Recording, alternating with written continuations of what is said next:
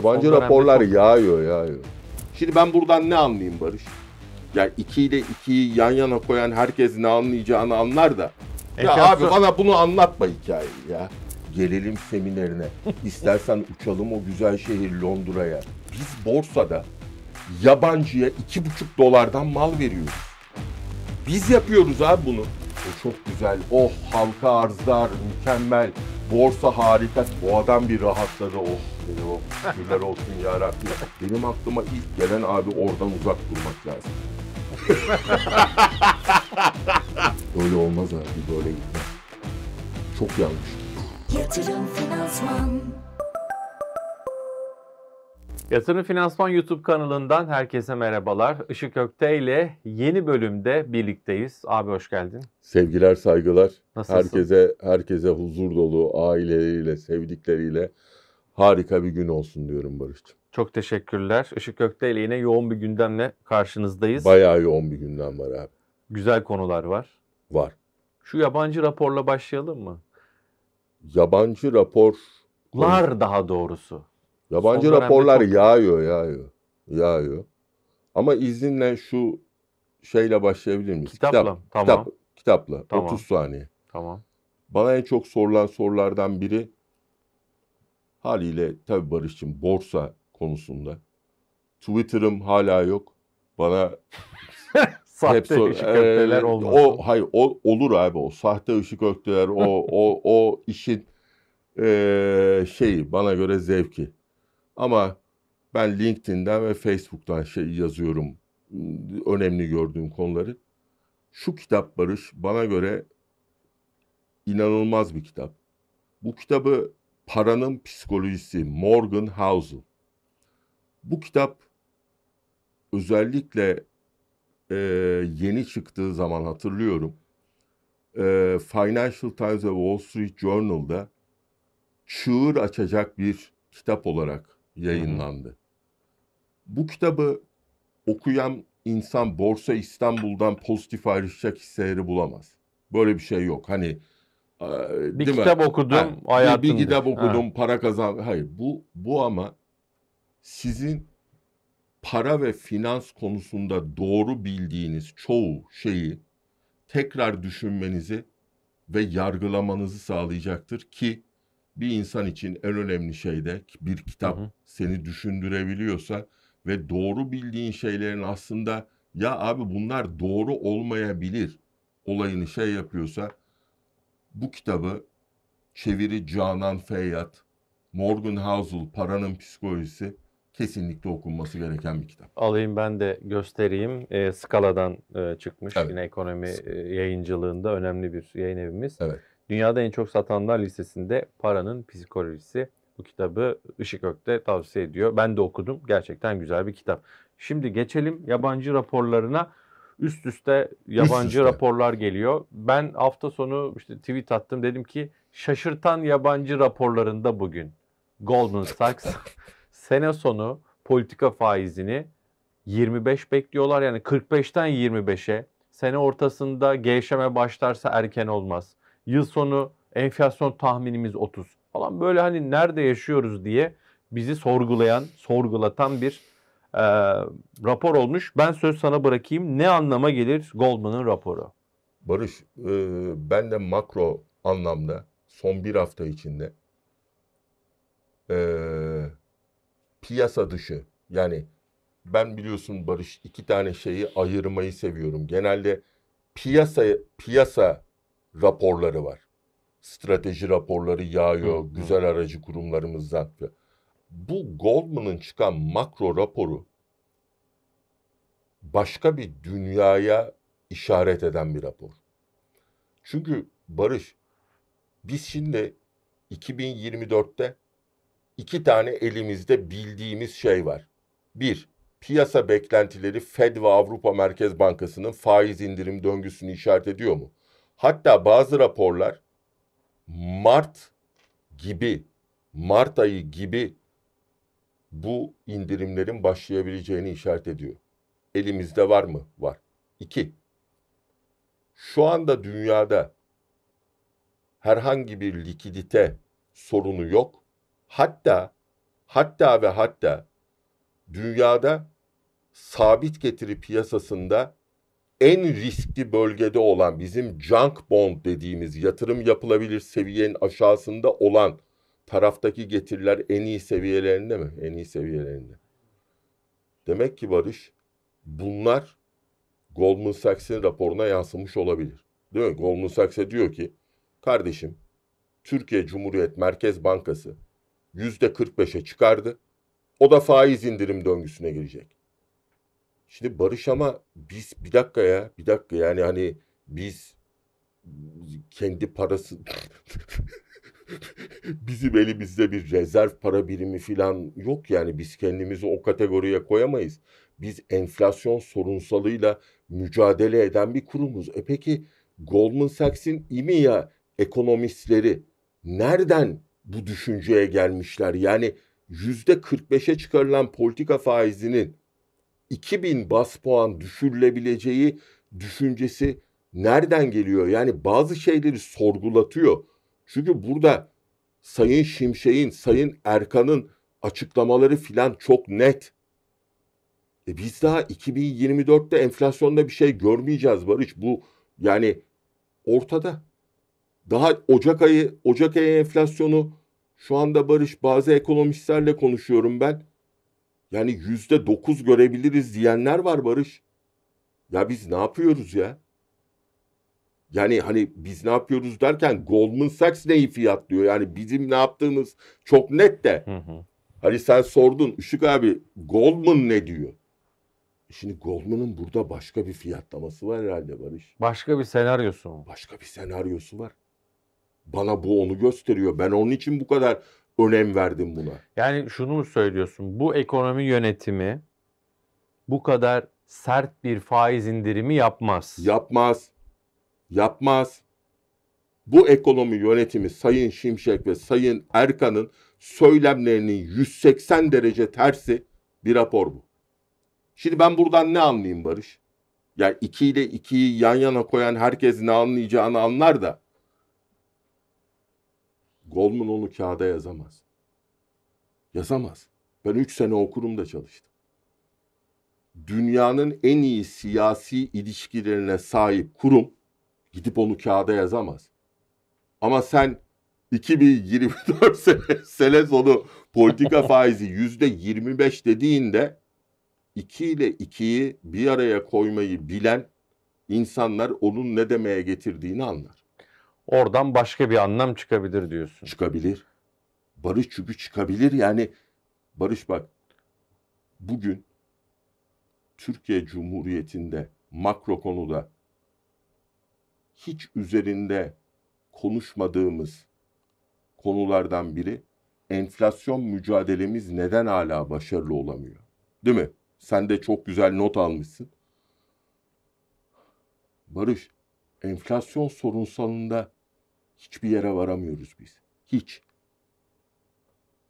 Ben 2024'te bu iyileşmenin nereden geleceğini göremiyorum ve benim bildiğim makroekonomide benim bildiğim makroekonomi M2 para arzı düşmedikçe enflasyon beklentileri ve enflasyon düşmez diyor. Daha demin seninle Türkiye Cumhuriyeti'nde M2 para arzı grafiğine baktık. Terminalden Bloomberg'den açtık. Açtık. Maşallah Nvidia hisse senedi gibi. Yukarı gidiyor. Sen sen açtığında o Nvidia mı e, Türkiye para. Cumhuriyeti M2 para arzı mı? Bak Barış. Dünyada 3-4 tane ekonomisti bilmeyen insanla benim New York'taki eski patronum bu insanları bilmiyorsanız, bu insanları okumadıysanız bak değil konuşmak odasına almazdı. Marx, Friedman, Schumpeter, Smith. Bak bunlar içinde yaşadığımız dünyayı yaratan insanlardır. Bak bugün içinde yaşadığımız dünyayı ve Wall Street'i Sistemi. yaratan, sistemi yaratan en önemli beyinlerden birisi Milton Friedman'dır. Milton Friedman'ın bize öğretisi şudur. Enflasyon beklentileri para arzıyla değil mi? Para arzıyla ilişkili beklentilerdir. E Türkiye Cumhuriyeti'nde para arzı sürekli yükselsin. Ondan sonra da biz enflasyonla mücadele ediyoruz. Hadi bakalım. Ya Enflasyon, abi bana bunu anlatma hikayeyi ya. enflasyon parasal bir olgudur klasik değil mi Net. cümlesi? Parasal olgudur abi. Sürekli para arzın yükselsin. Bankacılık sistemindeki krediler tarafında hiçbir az, e, aşağı e, hareket olmasın. Ondan sonra da biz enflasyonla mücadele ediyoruz. E neyin mücadelesi abi bu? Yani bak ben şunları sorgulamıyorum. Bunlar siyasi kararlar beni aşar Barış. Asgari ücrete getirilen zam. Değil mi? Bunlar sorgulanacak şeyler Emeklilere değil. zam. Emeklilere zam. Bunlar sorgulanacak şeyler değil. Ama sorgulanacak şey şu. Enflasyon beklentilerinin para arzıyla birebir ilişkisi varken Türkiye Cumhuriyet Merkez Bankası'ndan neden bu konuda bir adım gelmiyor? Yani bu bu konuda dediğimde likidite konusu işte bu. Hani halk ağzıyla para dönmüyor derler ya. işte o. E tamam ben bunu da anlarım. Bu da bir siyasi şey. Değil mi? Sayın Önümüzde Cum- seçim var. Önümüzde Yerel seçim seçimler var. bir numaralı önemli konu bu bak. Bir. Bir. İkincisi çok aşağılarda gelir. İkinci mesela ikinci konu nedir? Türkiye Cumhuriyeti tüketim ülkesi olduğundan biz yani aslında ekonomimizin yüzde yetmişi tüketici tarafına yönelik. Mesela ikinci önemli konu nedir? Tüketimi etkileyen tüketici kredileri. Mesela üçüncü önemli konu nedir? Şeyler. Ee, kamunun yaptığı anlaşmalar. Evet. Bu tip konularda barış. Ama bu tip konular M2 para arzının çok arkasında.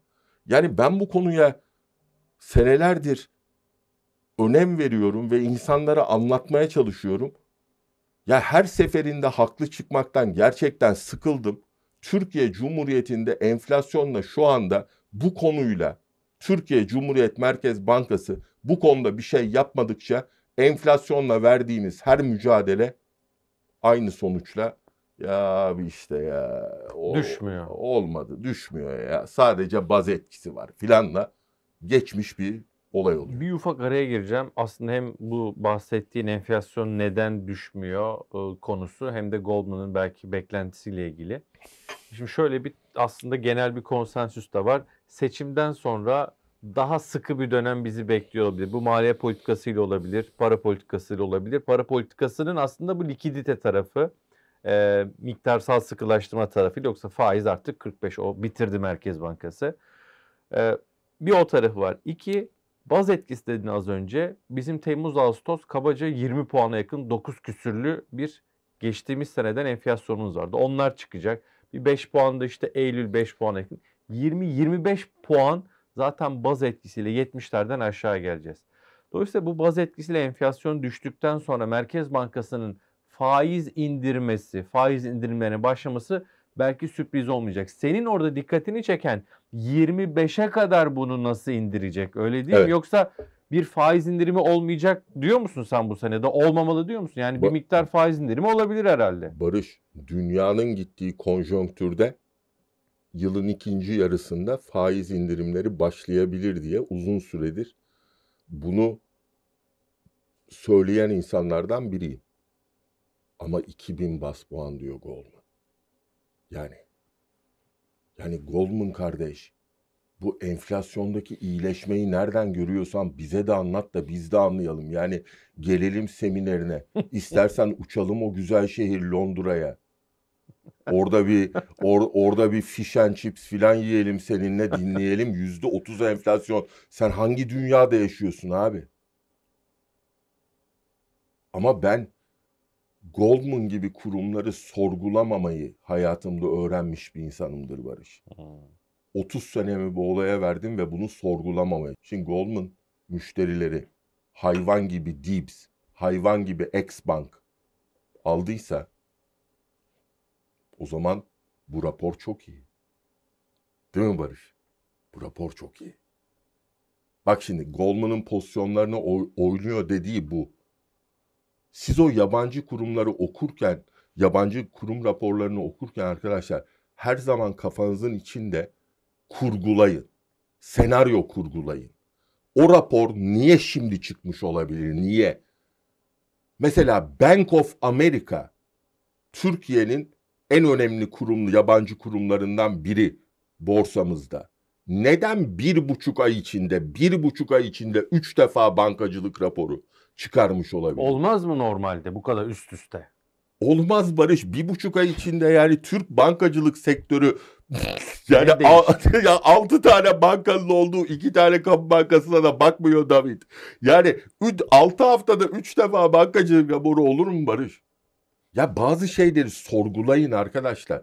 Ve kendi kendinize o sorgulamada şu cevabı arayın. Ya BOFA, ya Goldman bu raporları acaba bu pozisyondaki arkadaşlar var. Değil mi? O pozisyonda arkadaşların olduğunu biz nereden biliyoruz? Zaten TCMB verileri bize gösteriyor onları. Hı hı. Yabancı DIPS piyasasındaki pozisyonlanmayı X-Bank'taki. Barış senle burada hep programlarda yaptığımız seans notlarında hep sen aynı şey. Işık abi bankacılık sektörüne giriyor ya. Evet Hı. bankacılık sektörü dışında bir şeye girmiyor. Girmiyor, bekliyor, geride geride kalıyor. Ve hep bunu söyledim. Hep de bu. Ama şu anda artık bu o kadar ayyuka çıktı ki ya ayyuka çıktı dediğim yabancı kurum raporları o kadar çok bankacılık sektörü pozitif götürmeye çalışıyorlar ki bu sektörü yukarı. Abi bende bazı soru işaretleri uyandırmaya başladı. Barış bu. Bak çünkü yani o senaryoları kurgulayın dediğim bu. Evet. Şimdi e, önümüzde de bu arada Ekonomi Gazetesi var. E, onun da e, bu hafta manşet yanı haberlerinden bir tanesi. Borsa ilk ayında %15'e konuşuyor. Sevgili Şebnem Turan'ın haberi. Şebnem'e Şeb- buradan Şebnem çok sevdiğim bir Çok insan. güzel analizler Çok. yapıyor. Şebnem çok değerli. Ekonomi gazetesi de çok değerli. Evet. Hakan abi, Şeref, Şeref abi filan. Vahap Munyer çok güzel bir ekip. Ben ben Evet. abi bir şey söyleyeceğim. Hı hı.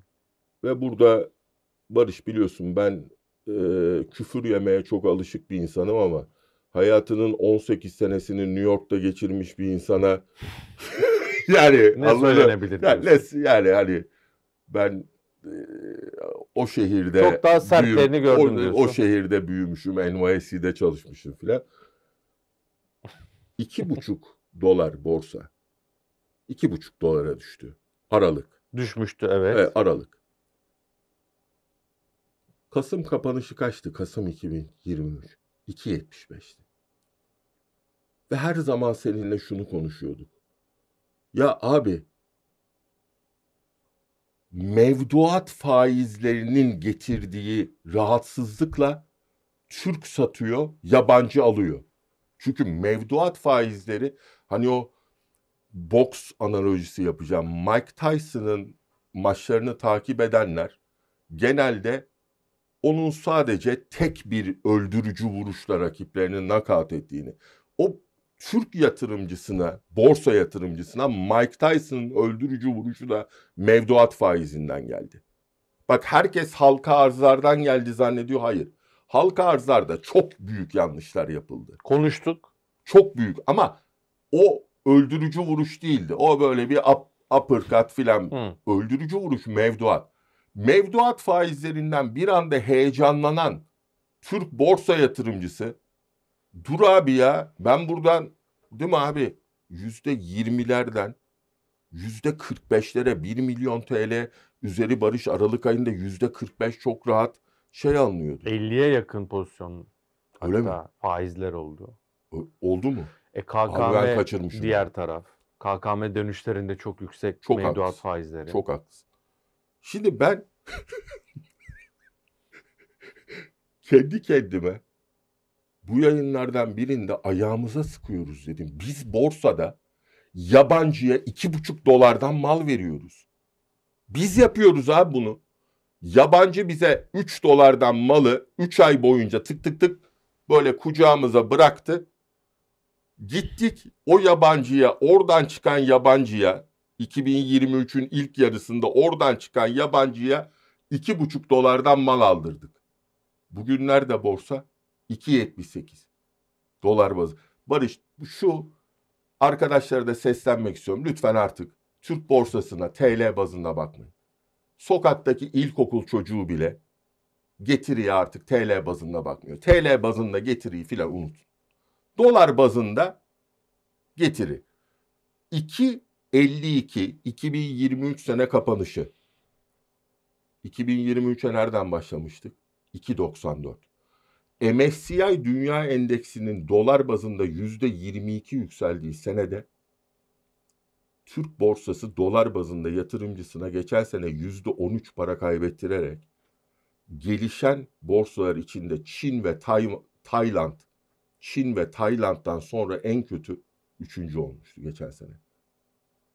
O çok güzel, oh halka arzlar mükemmel, borsa harika filan denilen sene biz böyle bir gol yemiştik. Bu sene tam tersi Barış. Bu sene ne değişti? Şu değişti. Mevduat faizleri düşmeye başladı. O aman abi dur ben paramı oraya geçireyim diyen yatırımcı çıktı. SPK ve Borsa İstanbul mükemmel bir kararla halka arzlara ara verdi. Yok abi dediler sen bana 2023 finansallarına geleceksin. Yok öyle 9 aylık finansallarla filan halka arz onunla. Mükemmel karar bravo SPK. Şimdi Barış ne oldu? Bir anda, bir anda bak 3 haftada. Ha bu arada biz yabancıya iki buçuktan mal verdik ha. İki buçuktan mal verdik. O adam bir rahatladı. Oh dedi oh şükürler olsun ya Rabbim. Sağ ol Türk yatırımcısı dedi.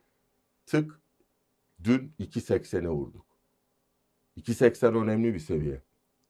Yani ilk geçmemiz lazım Hmm. gereken seviye. Şimdi Barış ben görüyorum yani onun için küfredecekler dedim. O adamlar orada mal verirken birileri ellerini kavuşturuyordu iki buçuktan. Çünkü o adam o adam dünyada Pakistan'la beraber en ucuz borsayı alıyorum. Dünyada Pakistan'la beraber en ucuz borsayı alıyorum.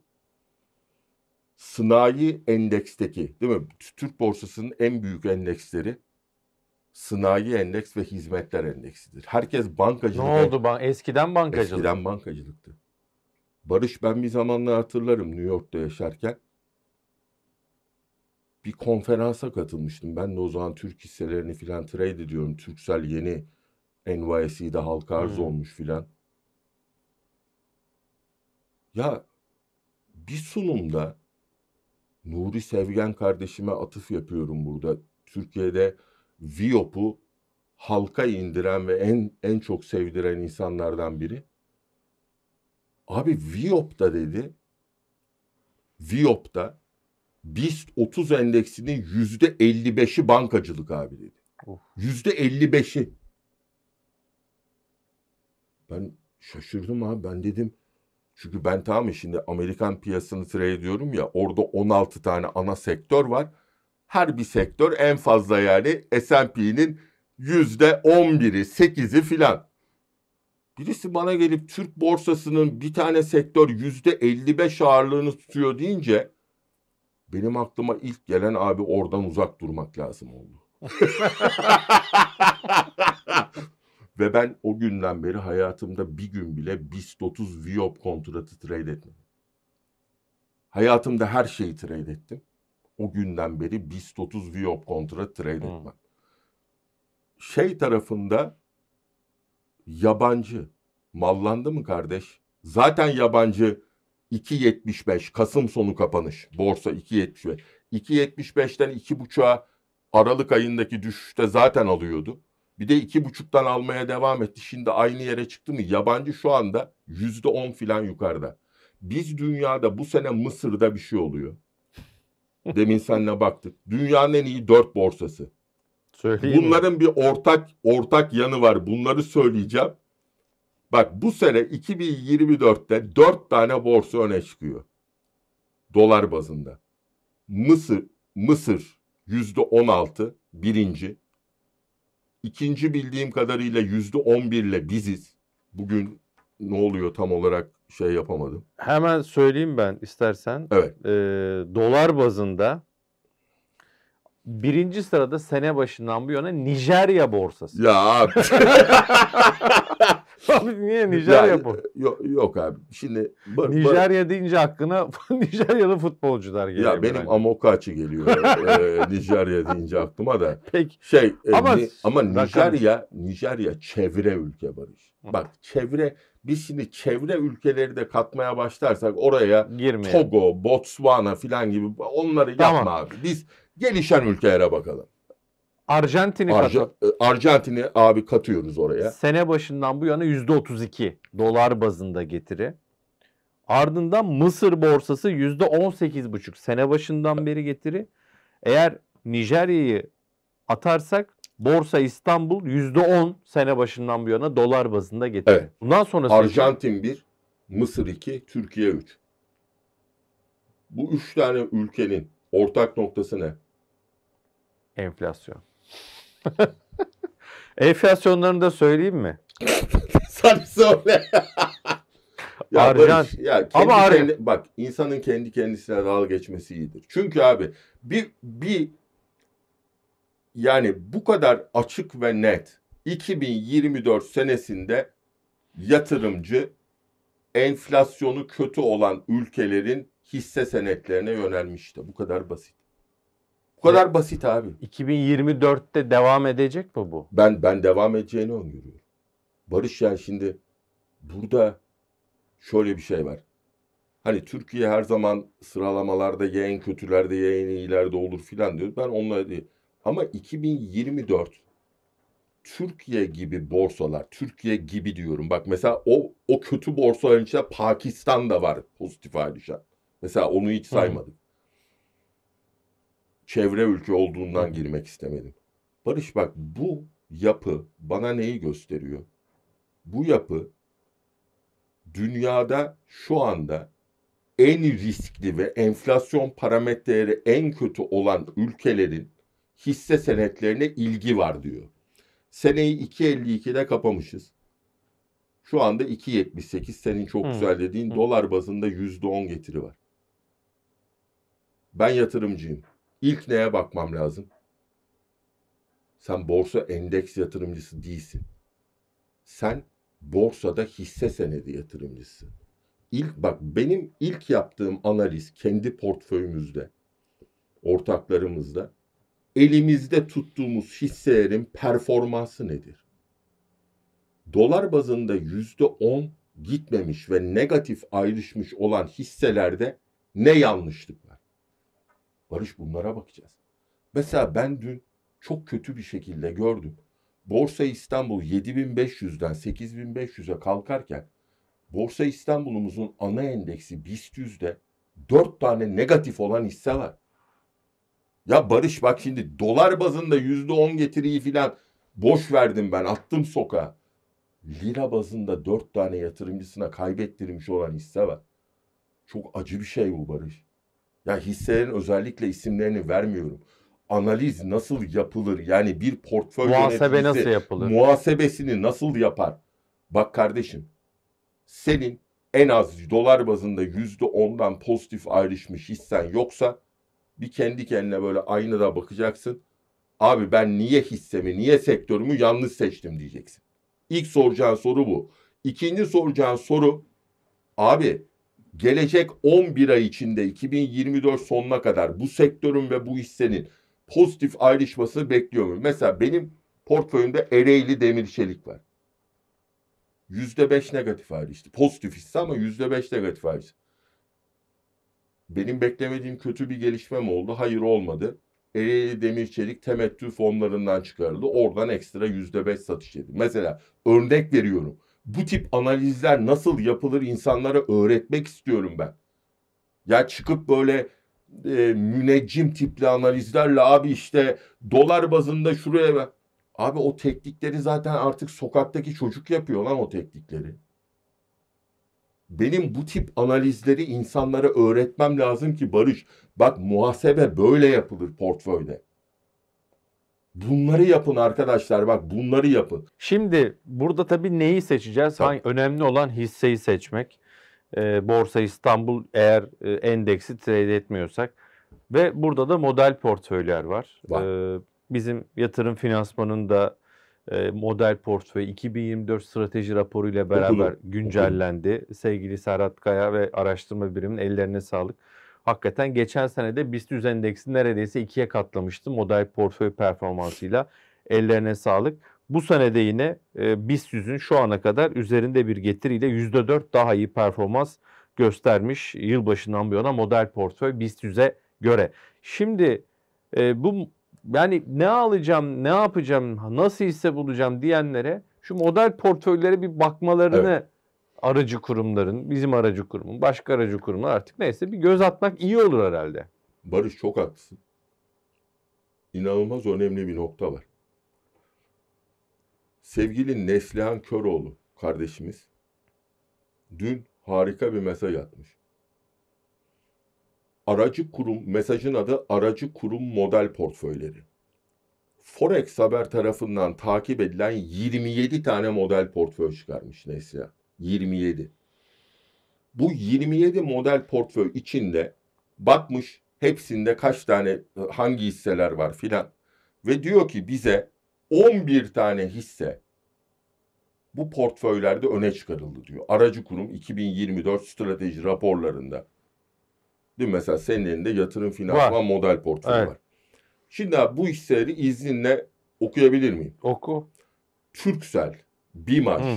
Türk Hava Yolları, Migros, Yapı Kredi Bankası, Mavi Jeans, Akbank, Sabancı Holding, TAV Havalimanları, Coca-Cola içecek, Kardemir ve Tüpraş. Mesela yatırım finansman model portföyünde bu, bunlardan kaç tanesi var kardeşim? Mesela e, TAV dedin değil Evet, mi? TAV. Var. Sabancı Holding, Var. Türksel, Yapı Kredi. Evet. Diğerleri neydi? Bir daha saymanı rica edeyim. Takip Mavi, edemedim. Mavi, Akbank, Sabancı, Sabancı dedik evet. Evet. Coca-Cola, Kardemir, Tüpraş. Kardemir yok. Ereğli var e, bizim tarafta. Ben de Ereğliciyim o tarafta. Evet. Şimdi Barış bunu şunun için söyledim. Yatırımcılar her zaman borsa nereye gider konusunu artık borsa nereye gider konusunu bırakacağız. Bu, bu bunu böyle hani o güzel beyinlerimizden çıkaracağız. Senin hissen nereye gidere fokus olacağız. Mesela 2024 senesi örnek veriyorum. Burada bu şeyde baktığımda telekom sektörü var. Gıda ve perakende sektörü var. Bankacılık sektörü var. Demir çelik sektörü var. Petrokimya sektörü var. Ulaştırma sektörü var. Ama baktığımızda mesela portföylerde ulaştırma sektöründe ki 3 ana hissemizden 2 tanesi girmiş bir tanesi girmemiş. Mesela Pegasus yok. Demir çelikten Kardemir girmiş Ereğli. Şimdi bunlar çalışılması gereken şeyler. Ama asıl çalışılması gereken şeyi söyleyeyim mi yatırımcılar için? Borsa İstanbul'umuzda 550 tane halka açık hisse var. Şirket var. Holding var, banka var filan. Bu model portföylerdeki şirketler likiditesi yüksek olan yabancıların alıma gelen yabancılara hitap edecek 70-80 tane hisse arasından yapılmış. Belki o kadar bile hisse yok. 50-60 tane. Asıl çalışılması gereken ne biliyor musun? Bu raporlarda hiç yazılmayan ama 2024'te potansiyeli yüksek olacak hisse senetleri. Mesela Barış bir örnek veriyorum. Korelasyon örneklerini severim. Hı hı. Çin ekonomisi çok kötü gidiyor. İnanılmaz büyük bir şey kriziyle karşı Bu karşıya. Evergrande meselesi gene patladı. 300 milyar dolarlık e, Bir ta- taahhütü var. tahvil 310, ta- evet. 333 milyar dolar. Haklısın. Çin ekonomisi kötü gidiyor ve Komünist Parti liderleri artık ellerini bir şekilde oynamak zorundalar. Geçen hafta buna başladılar. Devlet fonları hisse alımına geldi. İki, bankalara ekstra likidite sağlanmaya başladı günlük bazda.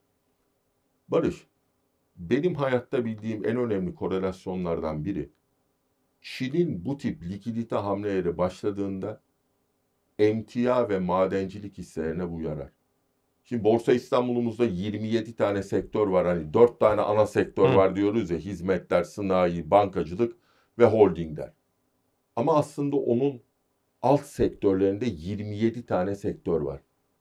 Bak şimdi emtia ve madencilik hisseleri 2024'te portföylerde olmalı mı? Sadece Çin yüzünden diyorum olmalı. Şimdi bu tip bu tip analizler Neslihan'ın yaptığı gibi bize çok güzel bir şey veriyor. Eliminasyon. Eliminasyon veriyor. hı hı.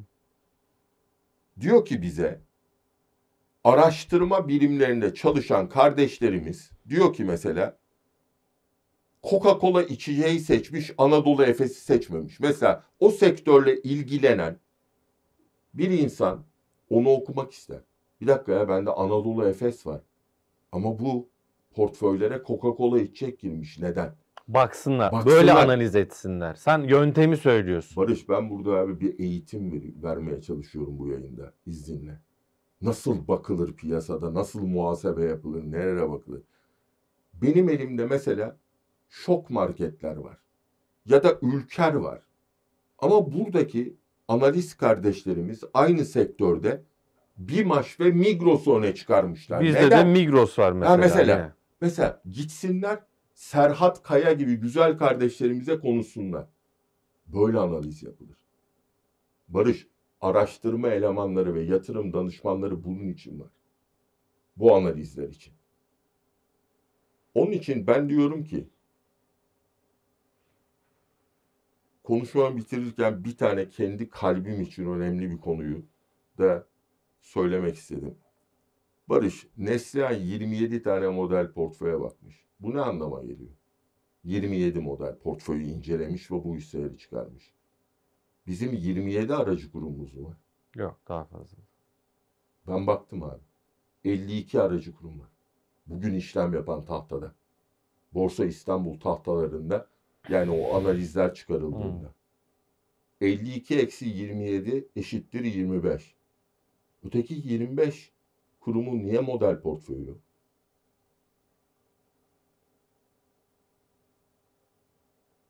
Bir sessizlik oldu ama kötü bir sessizlik, iyi değil. Ben söyleyeyim neden yok. Sektörde adam yok. Sektörde yetişmiş araştırma elemanı yok o model portföyü yapacak. Az, çok az. Çok az. Böyle olmaz ha. Bu böyle gitmez. Çok yanlış bu.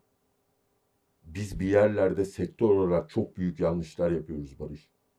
Bu böyle olmaz. Ya sen Borsa İstanbul tahtasında işlem yapan aracı kurumsun model portföyün yok. Ben şimdi o kurumun ya yönetim kurulu başkanına, o kurumun genel müdürüne ya kardeşim senin araştırma biriminde üç tane eleman da mı yok bunu yaratacak diye sormak durumundayım. İşte Ama sektörde eleman yok. Aynen. Sektörde Sek- zor mu? Sektörün sorunu bu. Çok güzel söylüyorsun. O yüzden e, yatırım finansman da aslında çok güzel bir yere bağlayıp öyle tamamlayalım. Sermaye piyasalarına ilk adım diye bir program başlattı. Yeni mezun arkadaşlarımızı yatırım finansmanda işe alıyoruz ama onları ciddi bir eğitime tabi tutuyoruz. Hem yatırım finansman Çok güzel. e, eğitmenleri, personeli, yöneticileri hem de dışarıdan eğitmenlerle e, eğer işte lisansı yoksa lisanslandırma, daha pratik yani o okulla sektör arasındaki o ayrışmayı çözme adına, yaklaştırma adına bir MT programı tadında bir eğitim var. Sermaye piyasalarına ilk adım yeni mezun gençlerimize ki sektöre hakikaten o söylediğin nitelikli eleman eksikliğini çözmek adına bir program. İnşallah başarılı olur. Çok Barış- teşekkür ederim. Barış çok önemli, çok Hı hı. önemli bir program. Tekrar e, teşekkür ediyorum. Şunu söylemek istiyorum. Eğer şu anda konuştuğumuz sorunu biz çözemezsek, o genç kardeşlerimize ilerisi için umut, doğru düzgün bir maaş ve prim sistemi, o araştırma biriminde o Excel analizleri, net aktif değer tabloları nasıl yapılır gösteremezsek, Barış biz sektörü kaybedeceğiz abi. Onun için ben bütün aracı kurum ve portföy yönetim şirketi sermayedarlarına buradan seslenmek istiyorum. gelecek 5 senede sektörümüzü en büyük ilgilendiren Hı hı. 3 tane sorunsal varsa o 3 sorunsalın içinde bir tanesi de İK'dır. Çok teşekkürler abi. Sağ olun. Ben teşekkür ederim. Işık Kökte ile programımızın sonuna geldik. Eğer yayınımızı beğendiyseniz beğen tuşuna basmayı unutmayın. Yatırım Finansman YouTube kanalına abone değilseniz de abone olmayı ihmal etmeyin. Yayınlarımız devam edecek. Allah'a ısmarladık. Yatırım Finansman